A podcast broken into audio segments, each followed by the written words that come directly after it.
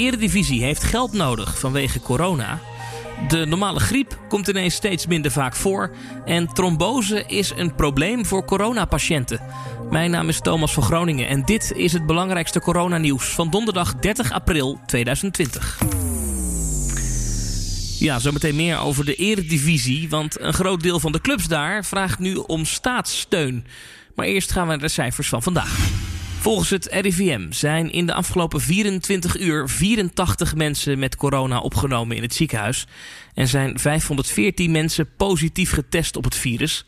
Het dodental is opgelopen met 84 in de afgelopen 24 uur. En opvallend, ook blijken er zeker 9 mensen die in de zorg werkten overleden aan het virus. De jongste daarvan was 45, de oudste 69. Zes van hen hadden al gezondheidsklachten, maar van de drie anderen is dat niet bekend, meldt het RIVM. Het is de eerste keer dat ze met dit soort cijfers naar buiten komen. In totaal heeft het coronavirus nu zeker 4.795 Nederlanders het leven gekost. Ja, en de normale griep, door de maatregelen die we nemen om het coronavirus terug te dringen, krijgt ook die griep veel minder kans om om zich heen te grijpen. Blijkt nu uit een Japans onderzoek. Vanmorgen op BNR spraken we daarover met Remmert van Tol. Hij is van griepalert.nl. En hij zegt, nu we dit weten, kan de overheid hier gebruik van maken. Het zou zeer zeker een interessant idee zijn om ook bijvoorbeeld de app die ontwikkeld wordt... om eh, door te trekken naar eh, het influenza-seizoen. Ik denk dat überhaupt de bewustwording die we nu creëren, de afstand houden tot elkaar, eh, de anderhalve meter afstand, vaker onze handen wassen, de hygiëne wat meer in acht nemen, dat dat bij gaat dragen aan de vermindering van, van de verspreiding van griep het griepseizoen. Want wat blijkt nu? Infectieziekten die verdringen elkaar onderling. En dat kan dus betekenen dat de griep nu minder kans krijgt. Maar, zegt Van Tol, het kan ook andersom. Dat een goede griepgolf ervan kan zorgen dat corona ook minder kans krijgt. En dan naar ander medisch onderzoek. De helft van de coronapatiënten op de intensive care krijgt tromboseverschijnselen.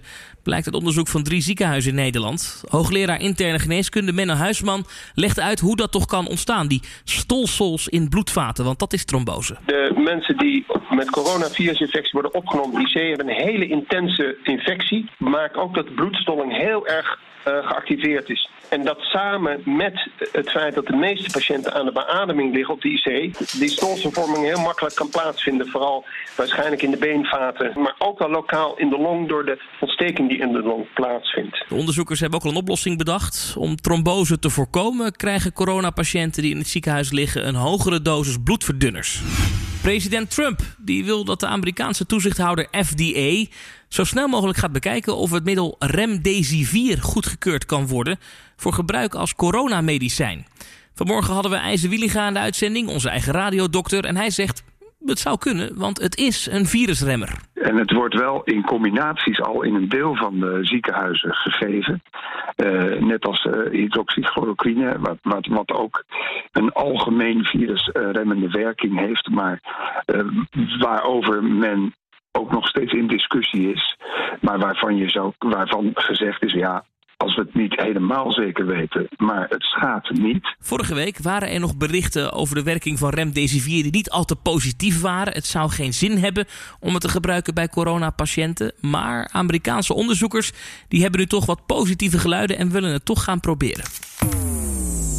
En dan gaan we naar het voetbal. Want een groot deel van de eredivisie voetbalclubs vraagt staatssteun.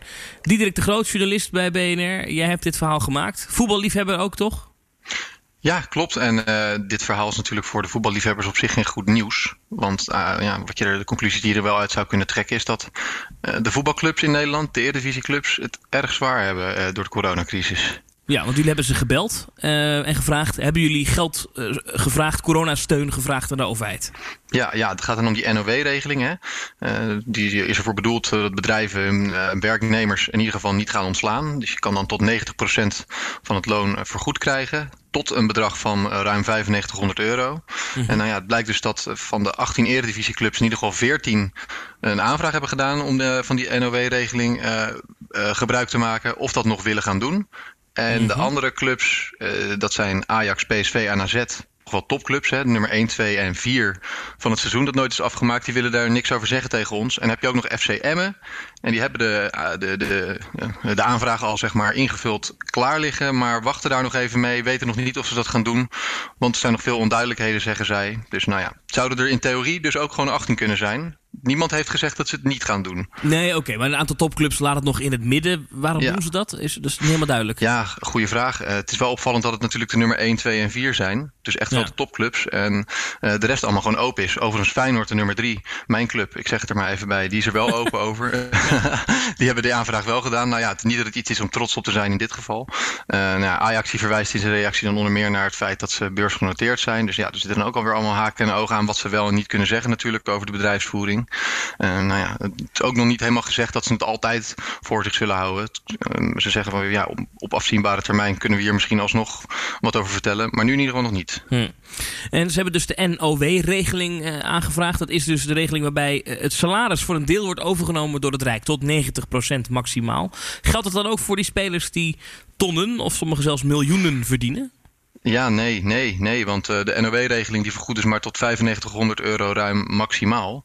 En als je bijvoorbeeld al kijkt naar de gemiddelde salarissen in de Eredivisie. En dan hebben we het even alleen over spelers. Hè. We kunnen het ook nog wel even over de medewerkers van zo'n club hebben. Maar uh, dat is dan ongeveer 24.000 euro gemiddeld per maand. Nou, er zitten natuurlijk ook spelers heel ruim daaronder. En er zijn er een paar die heel veel verdienen. Zeg maar de sterkste spelers bij Ajax, PSV. Die dat gemiddelde heel erg omhoog trekken. Maar ja, uh, het is wel duidelijk dat je er dus met alleen deze regeling als club niet uitkomt als je echt in de financiële acute nood zit, uh, dan gaat deze regeling het, uh, het, het, niet oplossen. En dat nee. is ook de reden dat er vandaag uh, tussen vertegenwoordigers van spelers en de vertegenwoordigers van clubs onder andere wordt gesproken over een salariskorting voor de spelers.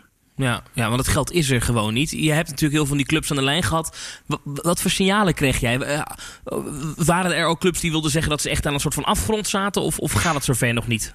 Nou, dat, eh, nee, dat zeggen, ze, dat zeggen ze zeker niet. Want wat ze bijvoorbeeld ook niet zeggen is uh, in hoeverre ze, uh, in hoeveel, uh, hoeveel gebruik ze maken van deze regeling. Dus voor welke bedragen hebben ze het aangevraagd, voor welke bedragen hebben ze het gekregen.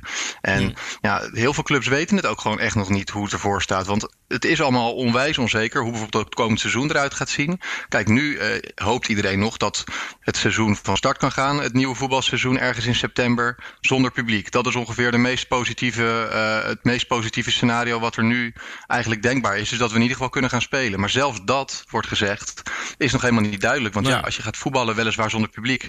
Maar nou, stel je voor, bijvoorbeeld Feyenoord-Ajax is een wedstrijd die ook buiten het stadion normaal gesproken heel veel uh, opwinding veroorzaakt.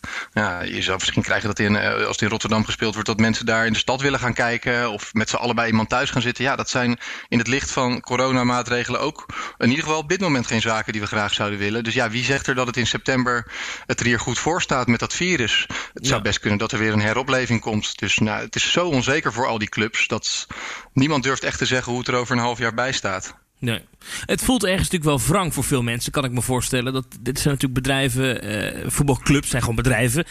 Waar, vaak toch met miljoenen gestrooid wordt. Of het is een transfer hier en dan is het weer een topsalaris daar... en ze rijden in dure auto's, de spelers... en het zijn gigantische sponsorcontracten. Het voelt ergens natuurlijk wel wrang dat juist deze branche nu zegt... we kunnen het eigenlijk zonder geld niet overleven. Ja, nee, dat, uh, ik snap best dat sentiment. Uh, het is ook zo in zekere mate dat de voetbalsport zo is. Maar als je echt puur naar Nederland kijkt, nou ja, dan is dat misschien zo bij Ajax. En misschien ook nog wel bij PSV. En in niet mindere mate ook nog wel een beetje bij Feyenoord. Maar daaronder, uh, nou ja, daar, daar, praat je echt niet over bedrijven die met tientallen miljoenen over de balk uh, smijten.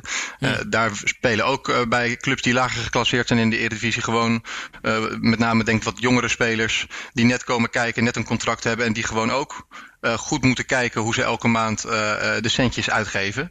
En daar is het echt niet zo dat de miljoenen tegen de plinten klotsen. En ja, dat zijn ook, uh, het zijn ook gewoon bedrijven. Het zijn ook gewoon bedrijven met werknemers. Je hebt ook gewoon de mensen die daar uh, de boel schoonmaken, achter de balie zitten. Het zijn natuurlijk niet alleen maar de voetballers. Nou, die mensen moeten ook allemaal betaald worden.